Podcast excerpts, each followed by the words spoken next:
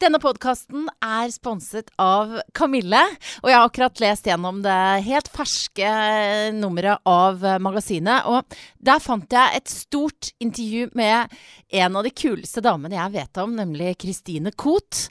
Eh, Norges mest fargerike dame på alle vis, vil jeg si. Jeg husker henne så godt fra da jeg begynte i P3, og hun begeistret kastet seg over meg i eh, kantina og skrøyt. Det var så viktig for meg, og jeg tipper at Kristine har hatt den innvirkningen på mange. Du kan lese om Kristine Koht i siste nummer av eh, Kamille. Hun er jo en bra dame. Jeg bør invitere henne til podkasten min. Men først og fremst leser vi henne i Kamille. Nå skal jeg ta meg en slurk sånn Ja, skikkelig lunka Skal jeg åpne den her iskaffen? Den er god, ass. Dette er podkasten Bra damer. Guri Solberg heter jeg. Og nå sitter jeg jo inne i det som på en måte er et radiostudio. Det er eh, mikrofoner og opptaksutstyr og noe kameralampe fordi vi filmer det. Men ellers så er det som et radiostudio. Ja. Så dagens gjest burde jo føle seg på en måte veldig hjemme. Kjent fra P3 Morgen. Og P3 Morgen og P3 Morgen. Og en del andre ting, men først og fremst P3 Morgen. Silje Nordnes, velkommen. Tusen takk for det. Veldig hyggelig å være her. Kjempekoselig. Føler du deg hjemme? Ja. Det var veldig koselig her. Masse bøker og blomster og en liten hagenisse. Flere hagenisser. Og Ja. Og en klokke som går feil. de, de tingene her, er det dine ting, eller er det noe som man har funnet bare raska sammen for å gjøre det litt Jeg- hjemmekoselig? Jeg tror kanskje det, ja. ja altså, det er jo diverse podkaster som holder til her. Eh, det er f.eks. ikke jeg som har tatt Isabel Allende, selv om jeg har lest denne boka. 'Aurora'. Ja, den har jeg også lest. Ja. Men eh, den står her. Jeg har hatt en skikkelig sånn Isabel Allende-periode. Hadde du det? Tidlig i eh, Ja, liksom slutten av tenårene, begynnelsen av 20-årene. Ja. Det var litt sånn Åndenes hus, og så Ja, så tok jeg det derfra. Den magiske realismen. Ja, jeg har jo også studert uh, latinamerikanske studier. Det har du vel, ja, Ja. her på Blindern? Mm, så da føltes det naturlig. Men der fikk jeg inntrykk av at, eller blant de professorene jeg hadde litteratur, blant annet, at hun er ikke ansett for å være en sånn Eller de syns ikke hun var så stas, da. Så Isabella Jende er litt sånn sånn den eh, Ja, sånn populærkultur. Ja, kioskaktig. Ja, ikke helt der, Mm. men liksom ikke blant de på en måte som man anser som liksom Mm. uh, verdig Det var ikke noen bøker av henne på pensum Nei. i uh, litteratur. lat- Latinamerikansk litteratur.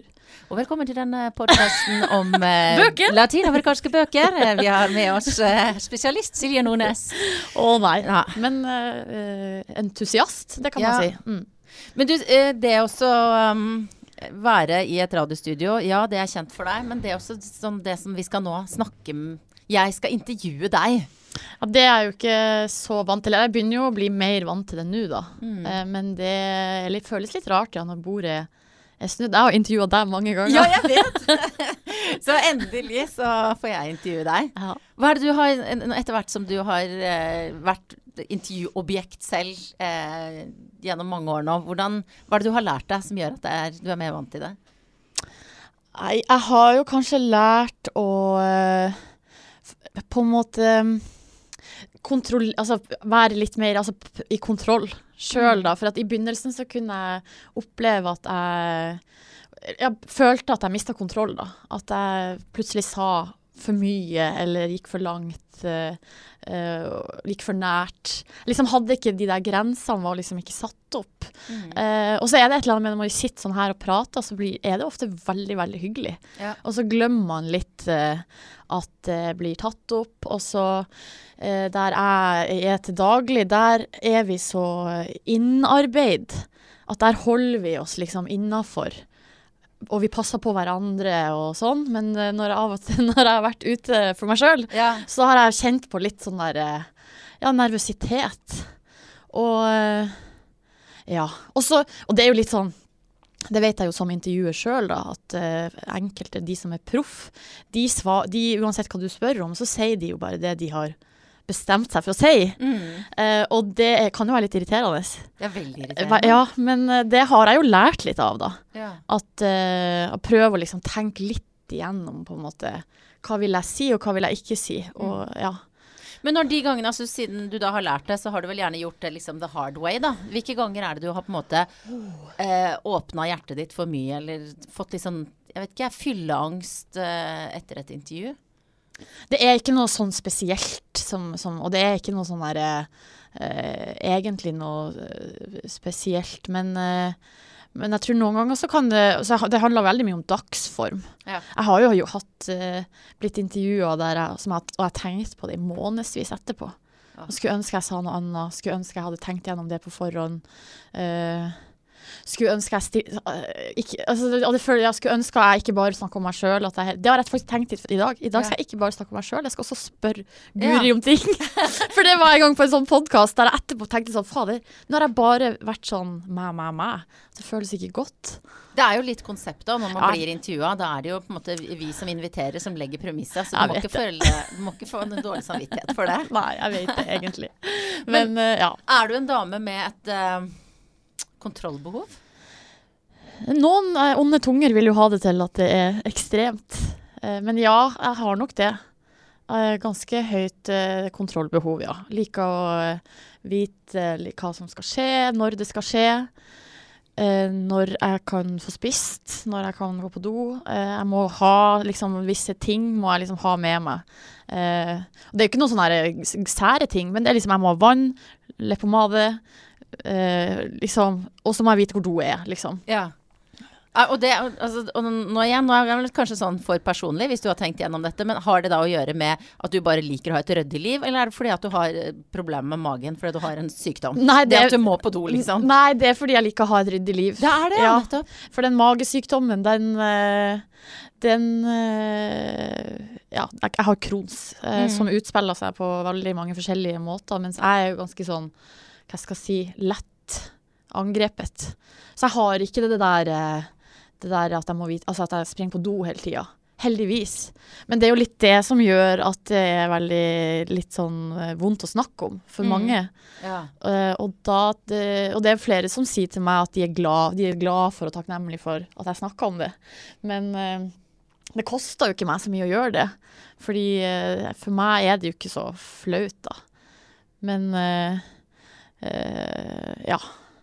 Nei, det er mer det at jeg liksom bare liker Altså, jeg hater å ikke vite, på en måte. Ja. Så hvis jeg skal på en festival, for eksempel, på en ny plass, så er den første dagen det er litt stress.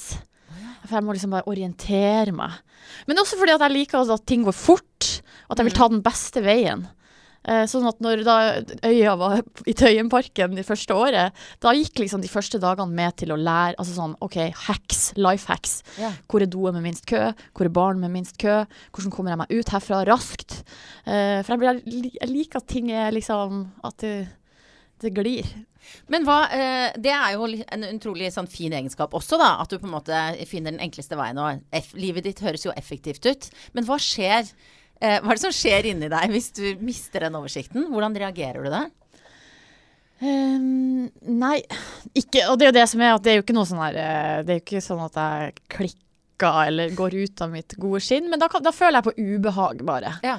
Uh, og så kan jeg bli Kan bli litt eller, ja, Kanskje utrygg, irritert. Uh, sånn som på jobb, så, så, så kan jeg bli utrygg hvis jeg ikke vet liksom hva som skal skje, eh, hva som er forventa av meg. Mm. Eh, ja, og hvordan dagen ser ut. Men der har jeg, det er sånn som jeg jobber ganske mye med, da, for at vi jobber jo i en, en eh, bransje eller der ting Man vet jo ikke alltid hvordan ting blir. Eh, og folk går på f.eks. på midlertidige kontrakter. Du jeg vet ikke at jeg skal ha denne personen ved min side liksom i mange år framover. Så det, man må bare, må bare prøve å legge det fra seg, da. Mm. Så eh, Og det, altså, i, også med, med, med Ronny og Markus, mine kolleger, så er det jo Der er det jo en del av dynamikken mellom oss. At uh, Ronny er veldig impulsiv, jeg er mer uh, ja, kontroll og stru- strukturert og ryddig. Og Markus, han, han vet man jo aldri. Han kan være alt, på en måte. Ja. Uh, og så drar vi jo hverandre, da, i ulike retninger. Og de spiller jo masse på det. De elsker jo å sette meg ut. Og så blir jeg Kan jeg bli, jeg kan bli sur av det? På ordentlig? Eller radiosur? Nei, det er jo det som er det at de syns jo eh, at det er gøy, da, på lufta. Og at jeg blir satt ut. Mm. Men så mener, og der er jo en diskusjon vi har, da, at jeg noen ganger mener at ja, men hvis jeg hadde visst det her på forhånd, så kunne jeg levert bedre Ja. hvis jeg var forberedt. Og igjen så er det det kontrollbehovet, da. ja, ikke sant. Eh, men så Ja, nei, så der Det er jo en ja, Det kan være både en styrke og en svakhet. Og, det, Mm. og det vet jeg jo med meg sjøl, så jeg må liksom jobbe med å prøve å ikke bli helt sånn ah. Ja, jeg kjenner meg veldig igjen i spesielt det du sier med når jeg ikke vet hva som forventes av meg. Og Ja. det er en sånn som jeg har klart å eh, sant, analysere meg fram til på min egen syke. At når jeg opplever selv den uroen, eh, eller liksom udefinert nervøsitet, så har det ofte, er det ofte trigga av av sånn nå er det noe nå, nå er det, Om det kan være en stor jobb eller et eller annet annet. Det kan være en parkering. Jeg, altså jeg vet ikke. Er det noen som følger med på meg nå? Er dette bra nok? Og da kan jeg bli sjukt stressa. Ja, jeg tror det er jo litt det, da. At jeg har jo Mm. lyst til å gjøre det bra. Og at folk skal bli fornøyd. Og hvis jeg da ikke vet hva folk vil, så kan jeg bli stressa av det. Ja. Men så har vi jo en jobb begge to hvor det faktisk er litt udefinert da, hva folk forventer. Og eh, du er veldig synlig, på en måte. Så du lever jo under et sånn, eh, for å sette på spissen, konstant press. da. Så det kan jo være utfordrende å, med en sånn jobb. Ja, det kan det. Og der er jo sånn eh, at jeg Jeg husker veldig godt tidlig da jeg var reporter i P3 Morgen de første årene. Da var, det da var det mye mer nervøsitet. Ja. Mye mer Altså oftere sånn der Å, jeg, jeg klarer ikke det her. Og, jeg altså sånn, og følelse av å ikke være god nok. Og så eh, bare liksom tanken på at folk, ganske mange mennesker, skulle ha en mening om jeg er bra eller dårlig. Eh, og da husker jeg hun mamma sa til meg en gang på telefonen der jeg ringte henne og var frustrert og lei meg eller et eller annet, og så sa hun ja, jeg skal være ærlig med deg at jeg og han pappa har diskutert om vi, om vi tror at det her er liksom bra for deg, å gjøre det. Og utsette deg sjøl for det her. Og det var litt sånn wow! Shit. Ja. Um, men der har jeg jo jobba egentlig ganske mye med det. Og egentlig kommet fram til at for meg så er det aller viktigste at jeg eh, ikke går på akkord med meg sjøl. og at så lenge jeg står for alt jeg gjør, alt jeg sier, eh, så er det greit, på en måte. Men det med en gang jeg kanskje kan føle at eh, Eller man blir revet med, eller er med på noe som, ja, som ikke ligger godt i magen, da kommer det med en gang. Det her Mm. føles ikke bra. Det her er, jeg er ikke god nok, eller det her er- kan jeg ikke gjøre. Og. Mm. Så det Ja, så er jeg veldig opptatt av det. Å kunne stå inne for det vi gjør, da. Og, det, og derfor er jeg veldig glad for at vi eh, Og det er noe vi snakker mye om, i hvert fall før, da. Nå er det jo så innarbeida, men at vi liksom er enige om at vi skal være program som skal være positivt. Det skal være Altså, det, det skal være uh, raust. Vi skal være varme. Mm. Uh, og, og det kan jeg leve med. Ja. Virkelig. Og akkurat de, de stikkordene der er jo på en måte det som gjorde det jeg husker når, når, altså da du var reporter i P3 Morgen, og da liksom nye P3 Morgen kom og sånn, så var det jo nettopp de tingene der. At det, var, det er vanskelig å si dette uten å si noe stygt om andre P3-folk, og det ønsker jeg ikke å gjøre. Igjen, jeg vil også være raus. Men nettopp den rausheten og positiviteten skilte seg kanskje ut fra den kulheten da, som har dominert, og det har jeg også vært med på, så jeg skal ikke liksom eh, sitte i glasshus. Men hvordan, eh, hvor bevisst var det, eller har du noen tanker om at dere skilte dere ut? Nei, så det der, Den endringa ble jo gjort før jeg kom inn, da. Mm. Um, jeg, men, eh, og jeg vet liksom ikke helt hvilke tanker som, eh, som var gjort, men, men i hvert fall da jeg kom med på laget, så var det Da var liksom grunntanken var det her skal være og det skal være eh, en god start på dagen, liksom. Mm. Og, ut, ja, og det, så jeg tror det, det er ganske Ja, det er bevisst, ja. Mm. Det er helt bevisst. Og så eh, Og så eh, er det jo da alltid en sånn eh, balansegang, da. At det ikke skal Det kan ikke bli tannløst heller. Så der er det jo litt eh, Der er det veldig bra at vi har Markus med, f.eks., som er, har litt eh, brodd. Mm. Sånn at, vi, at det blir liksom ja, en balanse. Men er det, har, tenker du av og til at du har lyst til å mene mer, men så holder du igjen? Ja, eller jeg er jo dessverre litt sånn øh, Ja, det, det, det, det, igjen så handler det jo om det der å kunne stå inne for det jeg sier, da. Og at jeg kan ofte øh, føle Eller vi sitter jo der så tidlig på morgenen, og man får f.eks. saker eller aktuelle ting rett i fleisen. Vi får det jo samtidig som alle dere som står opp. Og så skal man liksom raskt bestemme seg for liksom, hva mener jeg om det her. Og da liker ikke jeg å si noe om ting før jeg har tenkt meg om. Eh, så da eh, Og ja, jeg, det er jo masse jeg tenker som jeg ikke sier. Hva? Eh, nei, si det her. nei. uh, og jeg er jo litt sånn Det fikk jeg faktisk bekrefta i sånn personlighetstest der som alle driver og tar. Og The Big Five? Ja. Ja, har du tatt den? Ja, uh, veldig gøy. Har du vært hos uh, Nils Brenna og Harald Eia og blitt Nei. testa? Ikke i programmet, men vi har brukt Vi gjorde det på jobb, faktisk, som teambuilding. Altså, vi brukte han fyren, og Ja. så tok alle vi kollegene testen. Og så fikk vi se på sånn diagram hvor vi sto i forhold til hverandre, sammenligna, det var veldig fint å få se det sånn på et diagram. Ja, hvem, Hvem er du da, er. Silje? Nei, altså, jeg er jo utrolig nervøs type. Er du det? ja. Jeg scora ganske høyt på nervøsitet og angst. Eller altså ikke angst-diagnosen, men altså den variabelen heter jo da angst. Så jeg liksom Som du kjenner på? Hvis Ja, bekymra for Ja. ja. framtida, bekymra for ting. Jeg er veldig konsekvenstenker, og Ja. ofte worst case-scenario liker jeg å ta høyde for, da. Eh, og det er sånn absolutt worst, sånn huset brenner, eller noen dør, eller så liker Da er jeg i forberedt på det. Eh, og så mm, også veldig høyt kontrollbehov, ja. eh, og lav impulsivitet. og så eh, Og så er det det med eh, ikke redd for å si hva jeg mener, men jeg gjør det med omhu. Altså jeg er Ja. veldig bevisst, da. Strateg på no, altså når jeg gjør det og ikke. Mm. Og, det, og da jeg så det svart på hvitt, så da, skjønte da var det sånn nesten sånn øyeåpnende. Mm. Å oh, ja, det er det det er. Ja. Og jeg vet ikke hva det handler om, men uh, det kan jo handle om at jeg Jeg er ikke så glad i når folk blir sur på meg. Nei, så sånn, du, hvis du skal liksom inn i en konflikt, så må du liksom tenke om at dette er Ja. utrolig viktig for deg. om det er verdt det, ja. Mm. Så, så ofte så tar jeg vurdering på at det, det, det syns jeg ikke er verdt. Nei. Da er det bedre at det er god stemning. Altså, Litt kjedelig kanskje, men det er sånn, jeg skulle gjerne ønske jeg var mer kompromissløs.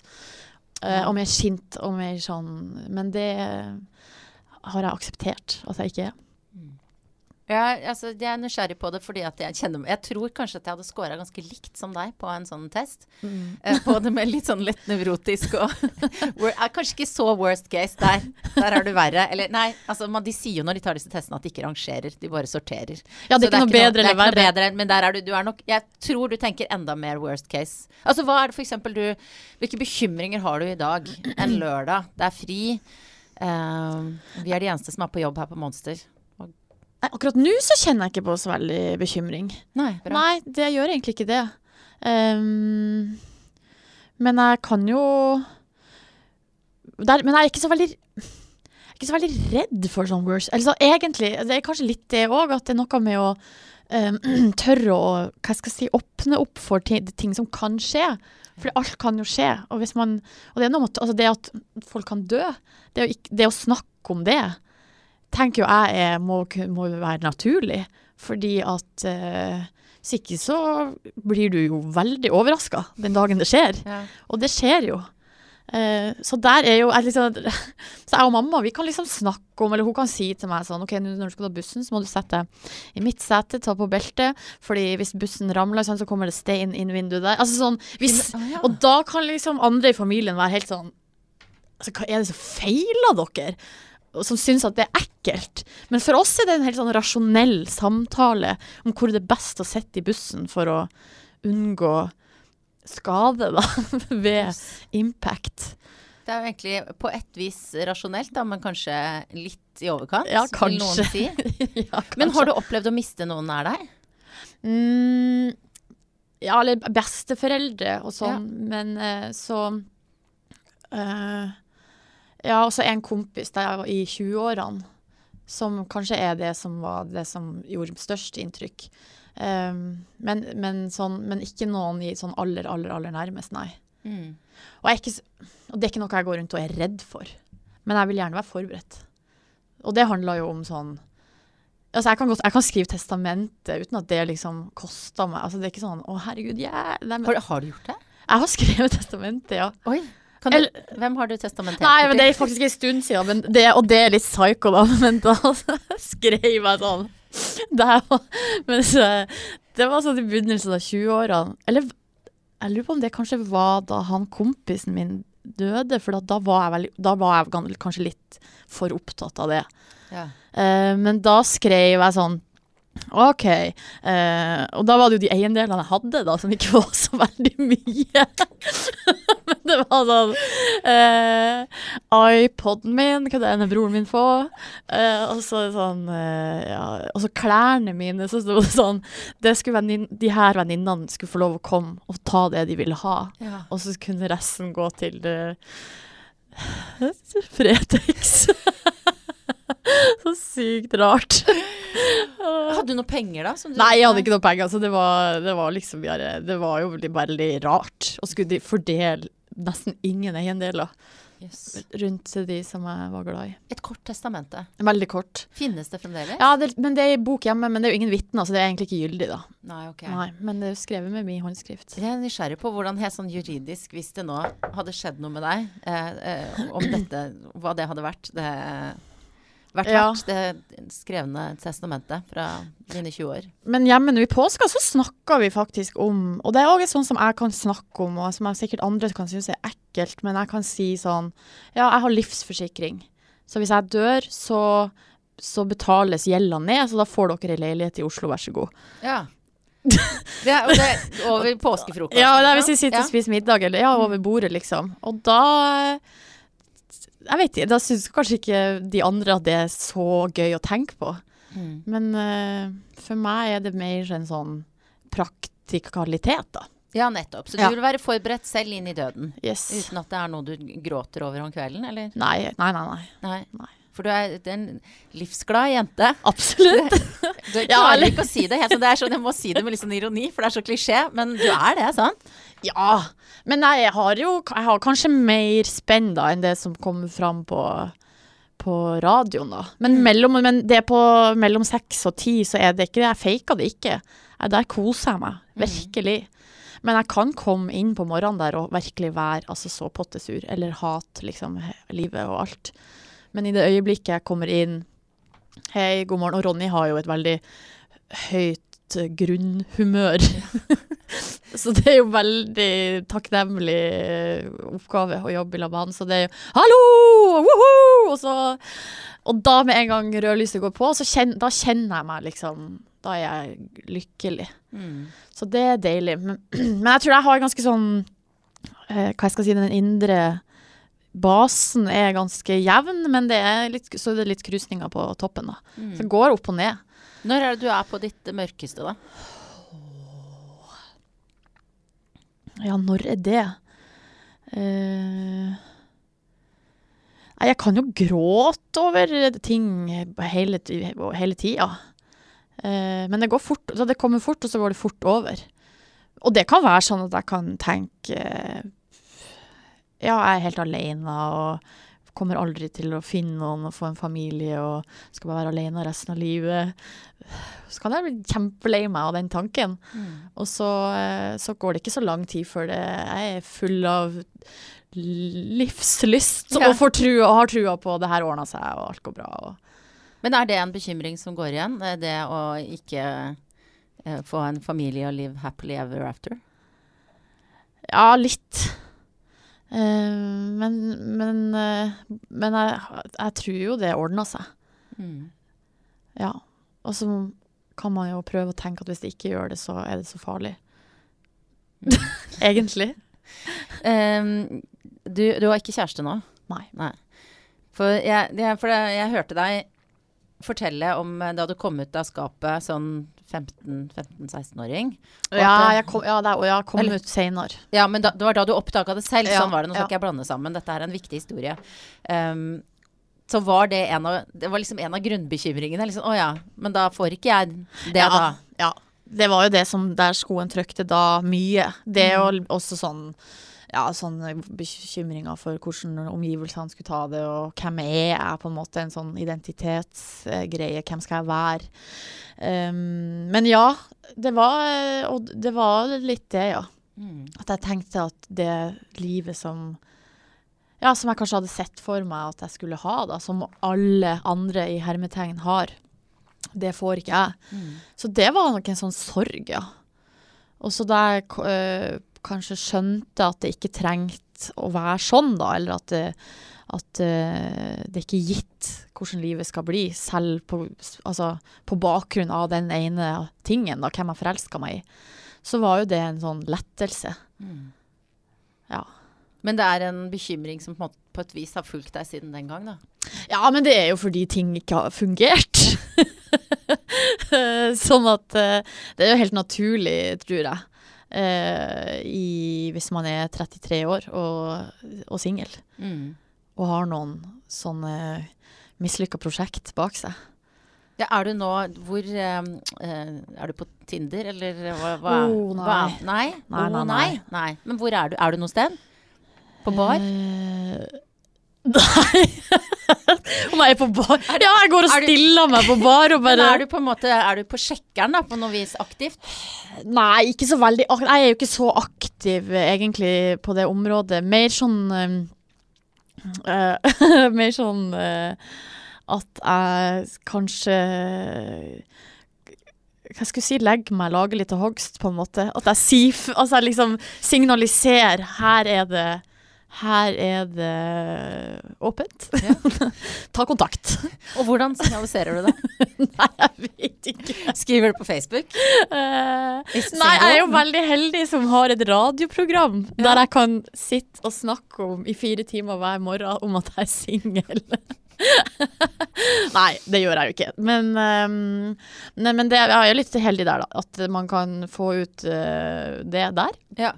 Og så eh, Og så er det jo, ja, det er jo som, som blikk her, eller en like på Instagram, eller en, eller en sånn, hvis man kjenner noen som kjenner noen, si, mm. sett ut et lite eh, Hva skal jeg si? Agn? Eller sett ut et lite agn, ja. Har du noen sånne konkrete eh, agn ute nå, eller? Nei, Nei. jeg har ikke det. Jeg bare spør, for det, det er lenge siden jeg har vært singel, så jeg, liksom, jeg, jeg, jeg, er sugen på det. Altså, den, det er jo Og jeg mener ikke å ikke ha respekt for den, altså det du sier om at du er Selvfølgelig alle drømmer om en kjæreste, ikke sant? Eller ikke alle, kanskje, men jeg skjønner den. Men likevel så er jeg sånn Men den derre å prøve ut og kikke ut og et blikk der og en like der, som du sier. Ja, det er spennende, altså. Ja, Det er sykt spennende. Ja. Ja. Men jeg har jo, det har vært en litt sånn De siste årene har vært ganske spesielle, fordi jeg prøvde å tenke over Altså Sånn litt tabloid sagt, da, så har jo jeg de siste fem årene enten vært forelska eller hatt kjærlighetssorg. Ja. Og det vet vi jo er Begge de to tilstandene er unntakstilstand. Ja. Så det har jo vært noen ganske Det har vært noen litt sånn Jeg vil ikke bruke turbulent, fordi det er jo liksom li, Det er jo livet. Eh, og det, og, men det har jo Og det har vært sinnssykt gøy, og også veldig tungt. Og så har det svinga og sånn, da. Uh, men det er Men uh, jeg er ikke noe redd Jeg er ikke så redd for kjærlighetssorg lenger. Fordi jeg vet at det går over. Og det er litt deilig. Mm. Det er liksom godt å vite. Hvor lenge sitter de i? Nei, det kommer helt an på. Det kommer an på hvordan det har avslutta. Hvor mye usagt det er, og hvor mange spørsmål man har. Så, eh, så der har jeg lært at her må alt opp i dagen hvis man skal gå videre. For da er det mye lettere å akseptere å gå videre. Mm. Men er du Hvordan føler du deg nå, da? Er du, er du fri av Er du ferdig med den siste kjærlighetssorgen din? Uh, jeg vet ikke helt. Nei. Jeg tror det. Mm. Og når du er midt i en sånn vanskelig situasjon, hvem er det som kan dra deg opp da? Bortsett fra Ronny som sier 'hallo!' og rødlyset som går på. Hvem er, hvem er det du har rundt deg som sitter der? det, er jo venninner, eller venner da, og, og familie. Jeg snakka ganske mye med mamma og pappa, faktisk, Ja. om sånne ting. Og det syns jeg er fint. Fordi, og det sier jeg òg til folk. Gjør det. Ja. Snakk med foreldrene dine. Herregud, de har jo levd eh, så mye lenger. Det er så mye kunnskap og visdom de sitter på. Og eh, også gi dem en mulighet til å være med. Slippe dem inn, på en måte. Og gi, ja, åpne opp sånn at de får muligheten til å støtte, på en måte. Mm. Ja, så det Ja, det gjør jeg. Så jeg snakker, men jeg snakker jo Altså, jeg snakker jo på ra... Jeg snakker med alle om Ja. det. Men har det alltid vært like lett for deg, det der med å være åpen med foreldrene dine? Eh, nei, eller Nei, det kom vel etter en sånn eh,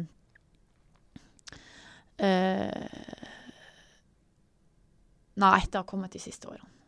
Mer. Ja. Så da jeg var liksom i skapet og hele den perioden der, da var det jo helt stengt. Mm. Da, men da snakka jeg jo ikke med noen. Og heller ikke med dem. Og det gjør jo noe med relasjonene. Det blir jo Det blir jo ikke noen dype, gode relasjoner av det når man har stengt for sånn stor del av livet. Hvordan, hva tenker du om den perioden nå, når du ser tilbake på det? Den stengte perioden?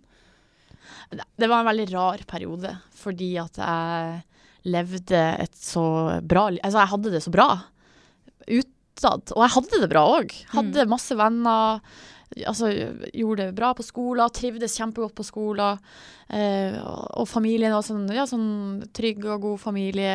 Og masse støtte hjemmefra. Og det var liksom eh, det var på en måte tilsynelig Altså, det var helt tipp topp. Jeg hadde til og med en sånn der konferansesamtale med, på videregående med min sånn kontaktlærer. Nå var jo ikke det helt greit, da, egentlig, men han sa til meg eh, 'nå pika du'.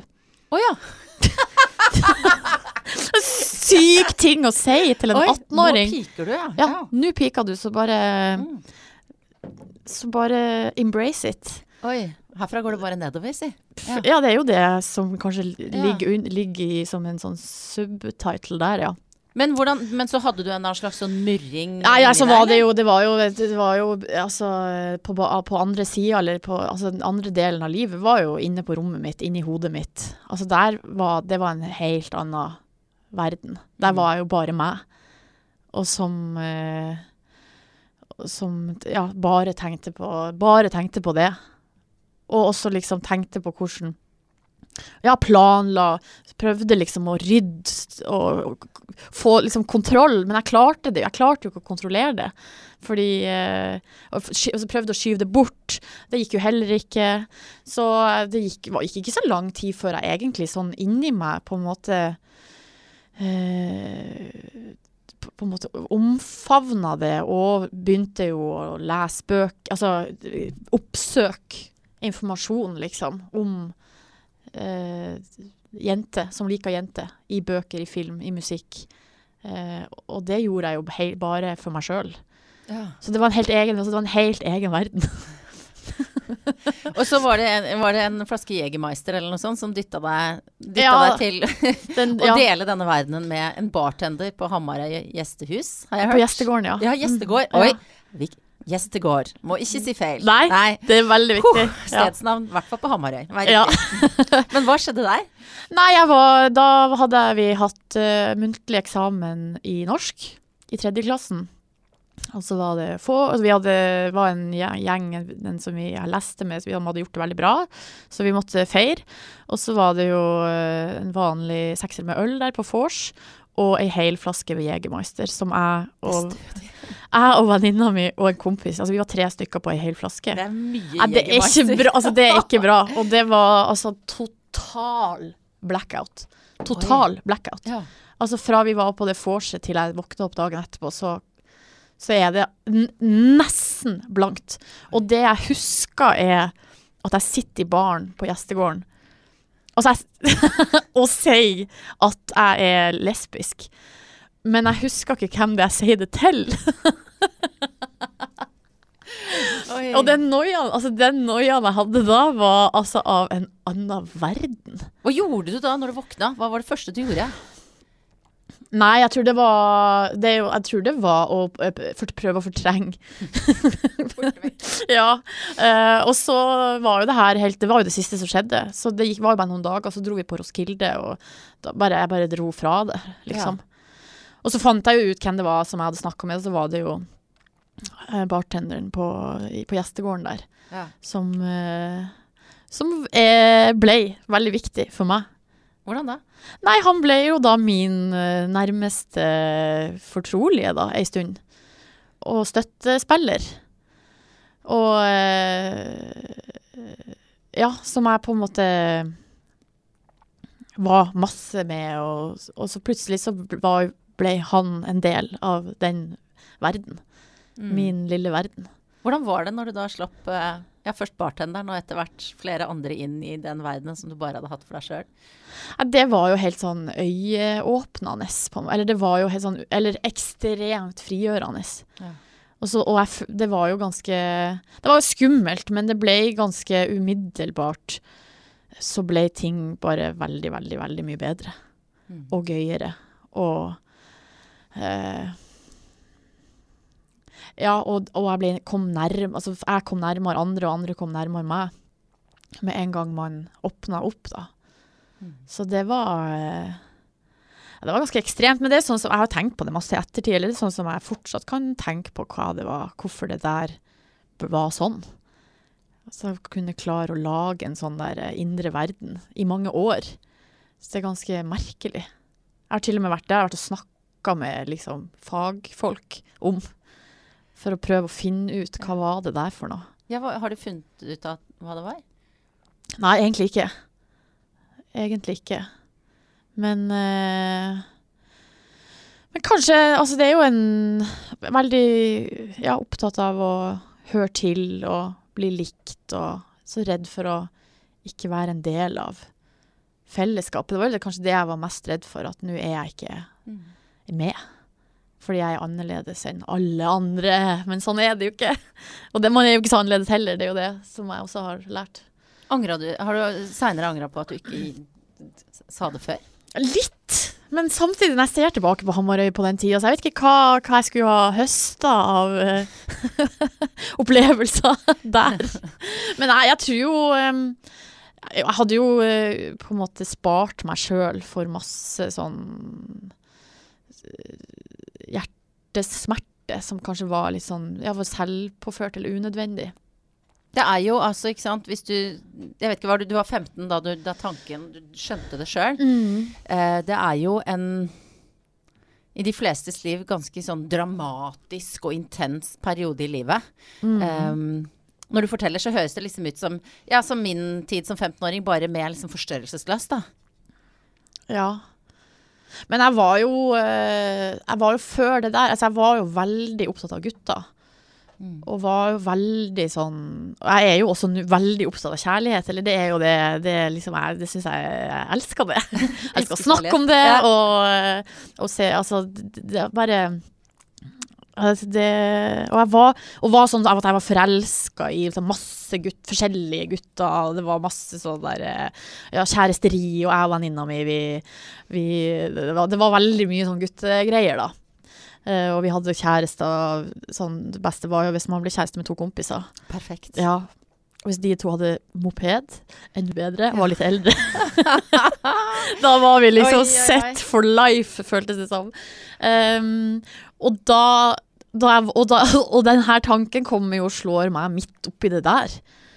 Og da bare What?! What?! Liksom, det her går ikke. Jeg har jo hatt moped! Fuck, fuck, fuck med den lesbisk-greia oppi hodet. Ja. Det her passer ikke inn, liksom.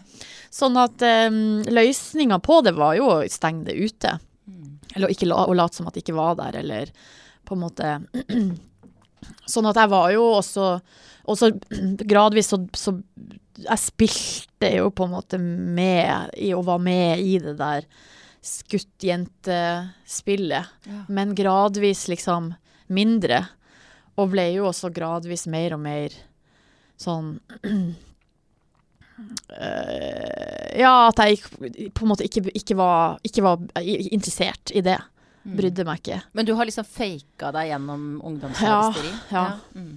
Hvordan funka det? Nei, det føles jo ikke bra. Det, og det, kanskje det, det, det kom jeg på nå, det vi snakka om i stad, da, det med å, med å være ekte og stå inne for det man gjør, og på en måte stå for hvem man er, og Det var kanskje, kanskje det som plaga meg mest med den perioden. Ja. For det der skuespillet som jeg holdt gående, det kosta meg egentlig ganske dyrt.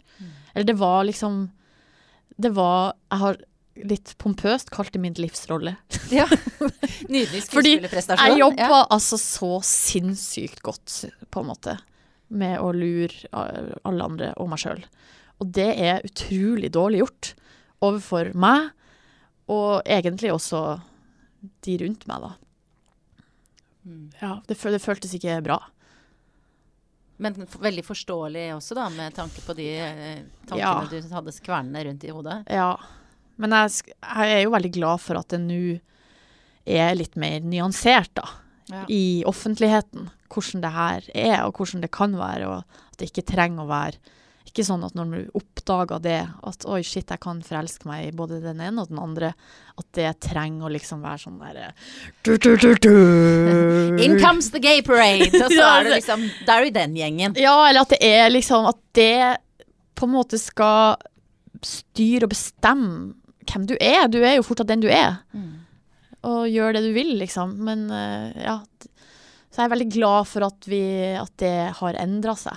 Og du på en måte er jo med på å endre det, ikke sant? For nå sitter du her og prater om det, og har prata om det i P3 Morgen, og er eh, omtales stadig, og er i aller høyeste grad et forbilde for unge som sitter da på Hamarøy og på Voss og i Oslo på disse små gutte- og jenterommene og har de samme tankene eh, som du hadde. Men det å være, dette her å være et forbilde og representere på en måte eh, Representere noen eller noe.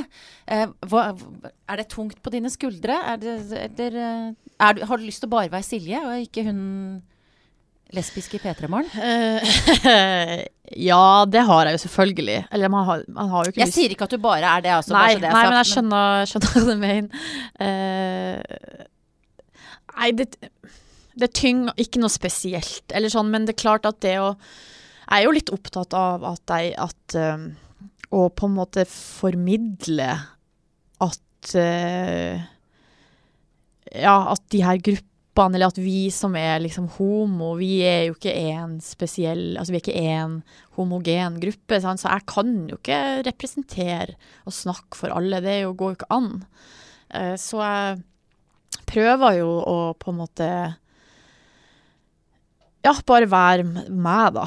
Mm. Og så håpe at det er bra nok. Men, jeg, og der, men det, det hender jo at jeg tenker at jeg, at jeg skulle gjort mer Okay. på en eller annen måte. Jeg vet liksom ikke helt hva det skulle vært, men altså være mer sånn på barrikadene, mer politisk, mer uh, Ja, jeg vet ikke, men, men um, så, Men jeg, jeg har jo egentlig nok med det jeg gjør nå. Så eh, ja. Og jeg syns jo jeg lever veldig godt med det, men jeg, den der perioden etter den Orlando-greia, den videoen og det Det var ganske heftig. Da gråt du på P3 Morgen og ja. dagen etter Orlando-skytinga og sa noe sånt som at du hadde en følelse av at det hadde vært enklere om du Ja, ikke, var sånn du var. Ja. Og det mm, Ja, og det, og det som kanskje var liksom vanskelig da, var jo på en måte For det, på den ene sida det å skulle ta liksom sin in, innerste, innerste svakhet, på en Mm. måte, da. Og bare vær så god til hele Norge. Eh, men også det at da plutselig sant, så, kommer, så kommer alle spørsmålene. Og der man plutselig står og snakker på vegne av eh, andre. Og det syns jeg var utfordrende. Hvordan da? Nei, fordi at jeg har ikke svarene. Jeg kan, altså, jeg Ja, det, det, jeg føler meg ikke trygg på at jeg vet altså, At jeg skal kunne gi svar. Og jeg vet jo, og det, jeg vet jo at jeg bare snakker for meg sjøl, men allikevel så, føl, så føltes det litt uh, vanskelig. Mm. Mm. Hvordan var den følelsen av å slippe først av P3-lytterne, men så etter hvert eh, Ja, jeg vet ikke hvor mange som har sett den videoen, men det er i hvert fall godt over en million eller to. Um, de slipper jo liksom helt inn du er, Ja, ærlig. Du er opptatt av ærlighet. Ja. Det er liksom, kanskje det ærligste jeg har sett deg da. Det er derfor det er så sterkt. Hvordan Husker du den følelsen av når du liksom øh, slapp det løs? Eh, ja. Eh, og det var, det, det var skremmende. Mm. Og det var jo Det var jo Samtalen der er jo ikke planlagt, altså i form av at Ronny og Markus vet jo ikke hva jeg skal si. Eh, men jeg vet jo hva jeg skal si. Ja. Og tanken, tanken kom jo dagen før. Og jeg hadde til og med skrevet det ned på mobilen min. Og så gikk jeg liksom og ruga på det og tenkte skal jeg si det eller skal jeg ikke si det. Um, og det at jeg skulle begynne å gråte, sånn, det var jo i hvert fall ikke for planlagt. For det som skjedde, var jo at vi Sånn som vi jobber, så er vi, jobb, det er jo ikke Vi har ikke noe manus, eller det er ikke planlagt nødvendigvis alt vi skal gjøre. Og så, så sa jeg til produsenten vår og Ronny og Markus da Jeg lurer på om jeg har lyst til å si noe om Orlando.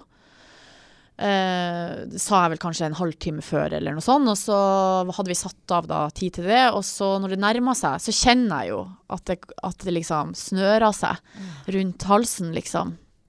Og så rett før så sier jeg til Ronny du, jeg vet ikke om jeg klarer det. Eh, jeg vet liksom ikke om jeg, øh, liksom. Og så er det han som sier nå gjør du det. Kom igjen, nå gjør du det. Eh, og så eh, Ja, og så når jeg da begynner å prate, så kjenner jeg jo bare at det her går, det her går jo ikke. Og eh, og så var det det der, og etterpå så var det liksom en veldig en, ambi, en sånn delt følelse av at det var godt, men også en sånn shit, nå er det liksom Nå er det no turning back, liksom. Nå er alt Nå er alt ute. Eh, og det Men i ettertid så er jeg jo liksom Jeg er veldig glad, jeg er jo glad for det, fordi at uh, folk har kommet til meg og sagt uh, jeg visste, altså, sånn, visste ikke at det var det At det, var, at det, at det kunne være sånn. Mm. Og da blir jo jeg igjen litt overraska over det. Fordi det er jo akkurat det som er poenget. Ja. At folk uh, Av forskjellige grunner. Det kan jo være også hvis du er født inn i en, i en flerkulturell familie, eller du er altså inn i en religion som du ikke har valgt sjøl, eller altså sånn Du får en sånn identitet på en måte utlevert. Her, det her er du, og så skal hele verden ha liksom ei mening om deg eh, på bakgrunn av det. Og, og jeg tror den følelsen av at det her Jeg skulle ønske at jeg ikke var sånn. Det er liksom Det er det, det, det, det er der det ofte ligger, da. Og det er jo så ekstremt viktig, spesielt sånn som samfunnsdebatten er nå, med liksom stadig steilere fronter og tøffere personangrep. Og det er jo mange som føler det eh, på den måten, som du sier. Så det er altså de tårene der bør, Det er de nettrollene bør se, og det er de eh, enkelte politikere bør forholde seg til. For det er liksom ekte mennesker og ekte følelser som blir ramma. Um, med av sånne type holdninger som samfunnet ja, flommer over av. Så det tror jeg var viktig for mange, Silje. Mm. Jeg, ble, jeg syns det er jeg, så, jeg har sett klippet før, og jeg så det om igjen i dag før jeg skulle møte deg. For jeg vet ikke, bare for å friske det opp, eller ha deg framme i eh, hjernebarken eller sånn. Og det, det Jeg vet ikke. Det er um, Jeg kjenner jo på meg hva du føler. Men jeg klarer jo ikke å se det sjøl. Gjør du ikke det? Nei. Hvorfor ikke det? Nei, jeg vet ikke. Det blir for, det blir for sterkt, på en måte. Mm. Og um, ja, jeg kjenner litt på en måte at uh, det, er jo, det er jo lenge siden, det er jo to år siden. Mm. Men at uh, At de gangene altså det, det å snakke om det sånn her er helt greit, men det her har jo også skjedd at jeg har vært på plasser der det har blitt spilt. Jeg har også vært, at jeg vant en pris for det. Mm. En sånn radioøyeblikkpris som jeg ble veldig glad for. Fordi det var jo, vik altså det var viktig for meg. Ehm, de ringvirkningene, på en måte. Uh, og det er jo veldig sånn stas å få anerkjennelse for det. Men da, og da var jo fest, det var full fest. Ja. Og så blir jo det klippet spilt av i en sånn svær sal med masse folk. Og det bare og da sitter jo jeg der og bare Ja, og så skal man gå opp alene og liksom takk. Og det er liksom Og så er man glad, og så er, ha- så er det med det bakteppet. Det var altså, utrolig spesielt. Ja. Hvordan, hvordan takla du det? Nei, jeg tror jo Jeg husker ikke helt, for det- det var jo, det var jo som, som sagt full fest. og masse folk, og sånn, ja, og Ja. man bare um, Nei, jeg, um, det gikk bra. Altså, var, men jeg hadde jo klump i halsen ja, når jeg takka, da. Mm. Og da takka jeg jo kanskje primært da, redaksjonen og P3 og, og Ronny og Markus, Mm. som er de som gjør at at det finnes et sånn trygt rom der man kan åpne opp. Ja. Og det føles Ja, at man kan Ja, det føles greit å gjøre det, fordi du vet at de står der og passer. Got your back. Mm. Du Silje, jeg meldte deg for noen dager siden og spurte om ikke du kunne ta med noe som forklarte hvem du var. Ja! Ja, Var det vanskelig? Eh, litt. Men eh, Eller både ja og nei. Jeg spurte Ronny, faktisk. Ja, selvfølgelig. også. Eh, og han var, hadde ikke, var ikke i tvil.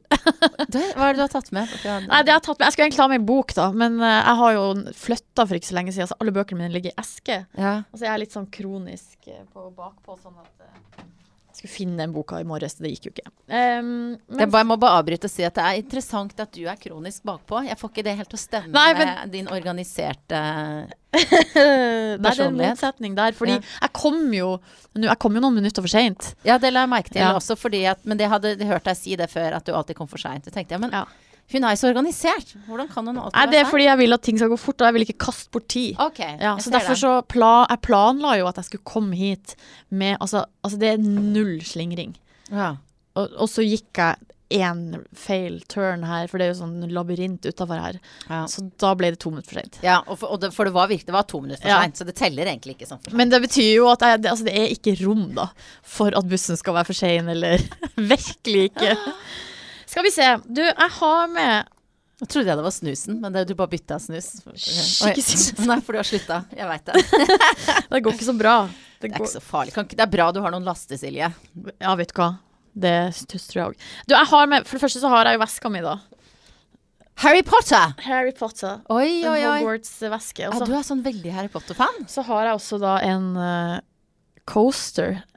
En Ja, ja. Slytherin coaster. Sånn Grønn. Og den her Jeg har jo en sånn her bordbrikke da for hvert hus på Hogwarts. Yes. Så det, ja. Og så eh, Ja, jeg er veldig Harry Potter-fan.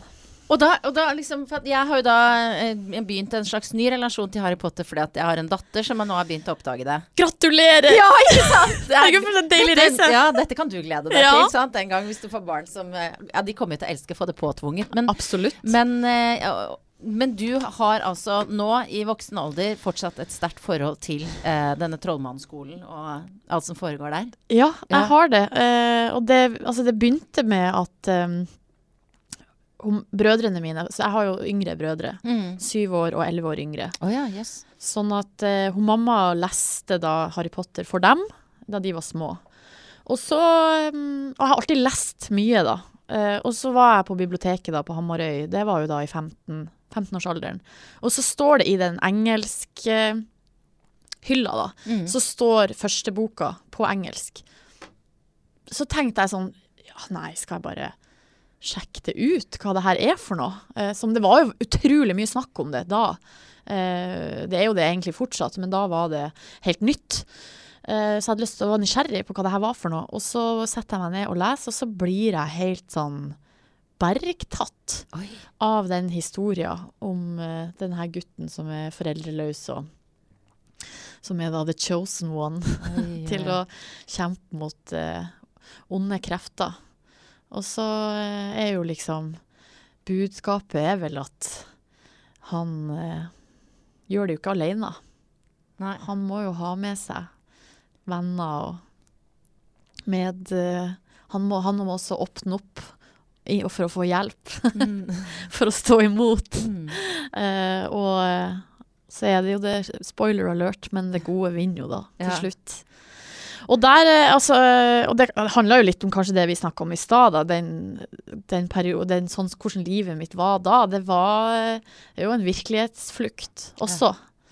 Eh, absolutt. Og så hadde jeg med Jeg var jo utvekslingsstudent i, på videregående. Da var jeg i Ecuador ett år, og da hadde jeg med fjerde boka, da. Uh, The Goblet of Fire. Som den eneste, det var den boka jeg hadde med, som da var på engelsk. Uh, og da Og så var det ganske tøft å komme dit, helt alene og ikke kunne språket og være helt sånn Da mist, jeg mista jo alt av av kjent og kjært. Um, så da ble det en sånn slags livbøye, den boka, da. Som du leste igjen og igjen? Mm, som jeg gikk tilbake til, og liksom Der kunne jeg på en måte være trygg, eller sånn.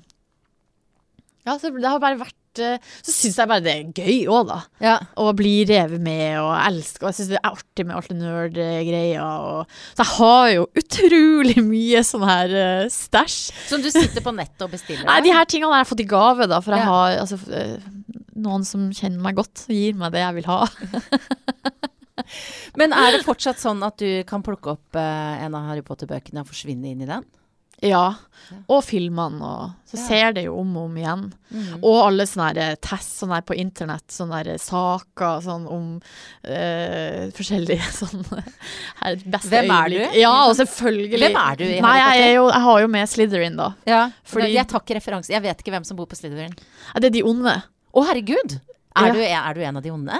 Ja, men de er jo ikke nødvendigvis Nei, onde, de er litt misforstått. Han med det bleke Ja, men han, men han stakkars har jo ikke de beste oppvekstvilkår, vil jeg si. Nei, det er sant. Han er litt ja. skada av eh, miljøet. Mm. Uh, men uh, ja, på alle tester jeg tar, så blir jeg Slytherin, altså.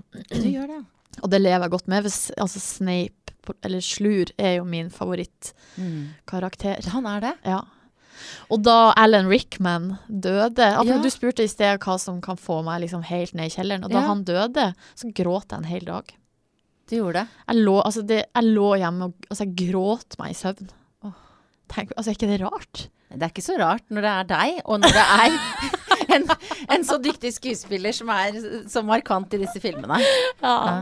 Men vet du hva, og nå hadde jeg egentlig tenkt å avslutte, men som når du sa 'jeg grein en hel dag', så kom jeg på den meldinga jeg sendte til deg i går. For dette her spiller vi inn på en lørdag, og i går så var det liksom ti minutter på Dagsrevyen. Og ja, jeg sier det med litt undring i stemmen, men om at Marit Bjørgen legger opp. Fantastisk idrettsutøver. Det kan selv jeg Men det var også 90 minutter på NRK etter det. Ja, og det satt du og så på, vet jeg. Og da tipper jeg at du grein. Ja, jeg gjorde det. Ja. For du elsker Marit Bjørgen. Mm. På, altså, eh, på hvilken måte elsker du henne, egentlig? Nei, faktisk um, Først så Altså, jeg har altså, jeg, tror, jeg har vært forelska i Marit Bjørgen. Ja. Og det når jeg Har vært. har Ja, for det Ja. har gått over. Men når, folk, når jeg sier det, så sier, så sier folk Det går ikke an. Eller sånn, du kan ikke være forelska i noen du ikke kjenner. Men da sier jeg jo, det kan jeg. Eh, for sånn kan, er jeg litt, da. Jeg kan forelske meg i noen jeg ser på bussen, eller er i en eh, treningsinstruktør på Sats, eller Ja, ja, det eh, barista på kaffebrenneriet, liksom. Mm. Kan, ha, kan, det kan jeg godt gjøre. Mm. Og så bruker jeg ordet forelska, så er jeg kanskje litt ehm, litt, tar litt lett på akkurat det ordet. Mm. Fordi om det er det, eller om det er mer en sånn bare beundring eller crush eller Men du har i en periode i livet ditt, eh, eh, om ikke annet enn i en dagdrøm, sett for deg eh, et liv Med- en, med Marit Bjørgen. Hvordan så det livet ut? Nei, det vet jeg ikke. Nei, kanskje ikke. Men ja, Du har sett for deg en natt med Marit ja det kan jeg ha gjort, ja. Deilig. Det er jo et, ny, det er jo et fint bilde i mitt hode, i hvert fall. Absolutt. Nei, altså, hva det er med henne det der, det, I går så fikk man jo, når de sendte den kavalkaden og gikk gjennom hele karrieren og sånn, så eh, fikk jeg jo tenkt igjennom litt, liksom, hva er egentlig greia? Mm. Uh, og der tror jeg det er Eller det er to ting da som jeg syns er flott med henne. Og det ene er jo at hun eh, gjennom hele sin karriere har eh, vist så mye følelser. Sånn, hun er Og hun har aldri vært spesielt ikke sånn spesielt privat. Du vet jo ikke så mye om hvordan hun egentlig er på hjemmebane, eller altså hvordan, hva hun spiser, eller hvilken musikk hun liker. Liksom, vet ingenting om det. Nei. Men, eh, men hun er så, har så, hun er så uttrykksfull. Så glad, smilende. Øynene smiler, altså hele hun. Eh, Og, og, og sånn. Og, så når, hun, og når det går dårlig, så gråter hun. Mm. Og det er hun liksom ikke noe redd for å vise. Og det syns jeg er så fint. Eh, fordi at på den andre sida så er hun jo så tøff. Altså så sinnssykt tøff og sterk. Eh, og det å liksom ha, å, å kunne være så tøff, men og samtidig sårbar, uten at det liksom gjør noe, det syns jeg er så utrolig fint. Og at uh, Jeg vet ikke, hvis man går inn på sånn altså Hvis man tenker sånn, ja, sånn kjønnsting og sånn, og det at kvinner skal være tøff, så er det liksom ikke rom for å være følsom. Også det at menn, altså det er mindre rom for at menn kan være følsomme og slippe altså det, så- det er så begrensende. Og jeg synes det er så utrolig kult, altså den måten hun har balansert det der på. Og så er det det at uh, det med den tøffheten og den styrken Altså det er et eller annet med å uh, legge ned Altså det å utsette seg sjøl for det der. Altså mentalt, på en måte. Det å gå de timene, det å trene så vanvittig mye, det å gå de, den tremila, hvordan det koster. Det syns jeg er så inspirerende. Så det er sånn som jeg kan bruke i mitt eget liv. Altså hvis, nei, hvis jeg syns ting er tøft og slitsomt, så nå er jeg sliten, så kan jeg tenke ja, men du går ikke timevis om dagen på ski eh, for Jeg vet ikke for hva, eller for for det ene skirennet, eller den, ja, den ene sesongen. De går jo hele året. Um, og hvis jeg går på tur, og da òg tenker jeg det, eller hvis jeg trener og syns at det er slitsomt, så tenker jeg på det, på Marit Bjørgen. Og jeg tenker også noen ganger på Harry Potter. hvis jeg har det tøft, Ja. så er det sånn ja ja, men jeg er i det minste ikke alene, liksom, Mot, mot Voldemort. det kunne vært så mye verre. Og jeg håper, jeg håper, nå vet vi jo med sikkerhet at Harry Potter ikke hører på, men at Marit Bjørgen hørte. For det, altså, sånn, dette her syns jeg var en, en utrolig fin eh, analyse og beskrivelse av eh, henne, som jeg ikke hørte på Dagsrevyen eller i de 90 minuttene på NRK i går. Dette var veldig sånn nydelig oppsummert. Jeg må prøve å få henne som gjest. Åh, Da, jeg hva tror du jeg har gjort nå i åtte år? Men du har hatt henne som gjest til slutt, har du ikke? Du har i hvert fall møtt henne. Ja, men ja, jeg fikk møtt henne, ja. Men Ja. vi har ikke hatt henne i studio. Det, Men hun har ikke hatt tid, vet du. Det har hun nei, nå. det er akkurat det. Mm. Men uh, jeg har møtt henne et par ganger, ja. Intervjua henne. Men uh, jeg blir veldig starstruck og fnisete av det. Så det blir jo ikke noe bra. Det blir jo bare tull. Jeg syns likevel at uh, rettferdigheten uh, skal seire. Da, altså, hvis, du bør få henne før meg, da, i, altså, i intervju i studio. Ja, så når du har hatt den på P3morgen, så, så så kan jeg si jeg sånn du, Hvis Guri Solberg spør, si ja, for det er skikkelig hyggelig. Takk. Ja. Skal jeg si. Og da får jo hun, da, som du nå, eh, disse, sånn tre faste spørsmål som jeg alltid stiller intervjuobjektene mine. Mhm. Hva spiste du til frokost i dag, Silje? I dag, det er jo lørdag i dag. Ja. Så da spiste jeg det jeg egentlig som ofte spiser på lørdager. Det er rundstykker. Eh, tre halve med pålegg. Assortert. Egg. Eh, et glass juice og kaffe. Og dette er helgefrokosten. Hvordan er da hverdagen? På hverdagen spiser jeg også alltid det samme. da. Når jeg kommer på jobb, eh, så går vi på lufta, og så har vi to stikk. Og så spiller vi en dobbellåt, som da du vet jo det, det er to sanger på rad. Ja, deilig. Da går jeg på kjøkkenet i P3, og så lager jeg meg to eller tre, eh, det kommer litt an på, eh, rugsprø med eh, avokado, skinke, ost og agurk. Og eh, to tomat, cherrytomat og et glass juice. Jøss, det er veldig sånn forseggjort til å være på lufta. At du tar deg tid til alle de grønnsakene, f.eks. Å, men det, det gjør det jo så mye bedre. Ja, det er deilig. Men det er jo ikke alltid vi har det, da. Og da blir det bare ost og skinke. Hvor lang tid brukte du på å finne ut hva du skulle ha på deg i dag? Det brukte jeg kanskje ikke så lang tid på. Eh, Kanskje et par minutter. Svart genser, blå dongeribukse. Ja, Enkelt. det enkle er ofte det beste. Ja, det, det, og det er det det går i. Er det sånn stilen din pleier å være? Ja, stort sett. Jeg er egentlig ganske forfeng forfengelig, men jeg er også ganske lat.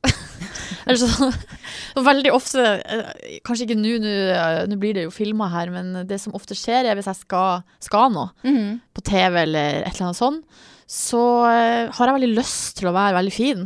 Ja. Men så har jeg ikke lagt ned noe innsats. Så ofte så kommer det så, kommer som julekvelden på kjerringa hver gang. Og så bare Shit, jeg burde jo ha Det her burde jo jeg tenkt på før. Og så ender det med at det bare, da blir det bare tilfeldig. Ja. Så, så jeg, ja. Lysten er der, men jeg, ofte så er jeg ikke, har ikke en giv nok. Det er det kanskje ikke viktig nok for deg. Nei, det er vel akkurat det. Når hadde du sex sist? Et par dager siden. Nettopp. Mm.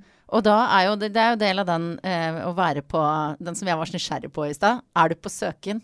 Er du på bar? spurte jeg. Men er det det Var det noen du kjente, eller var det Ja.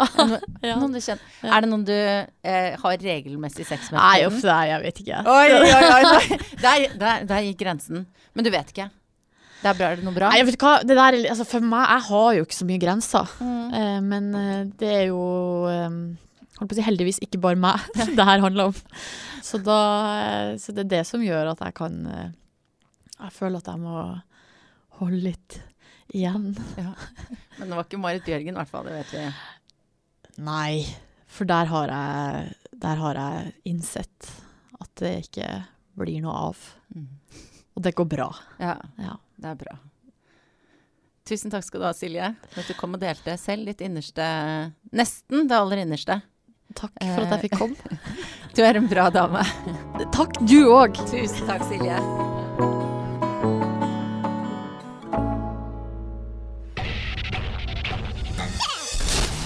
Monster.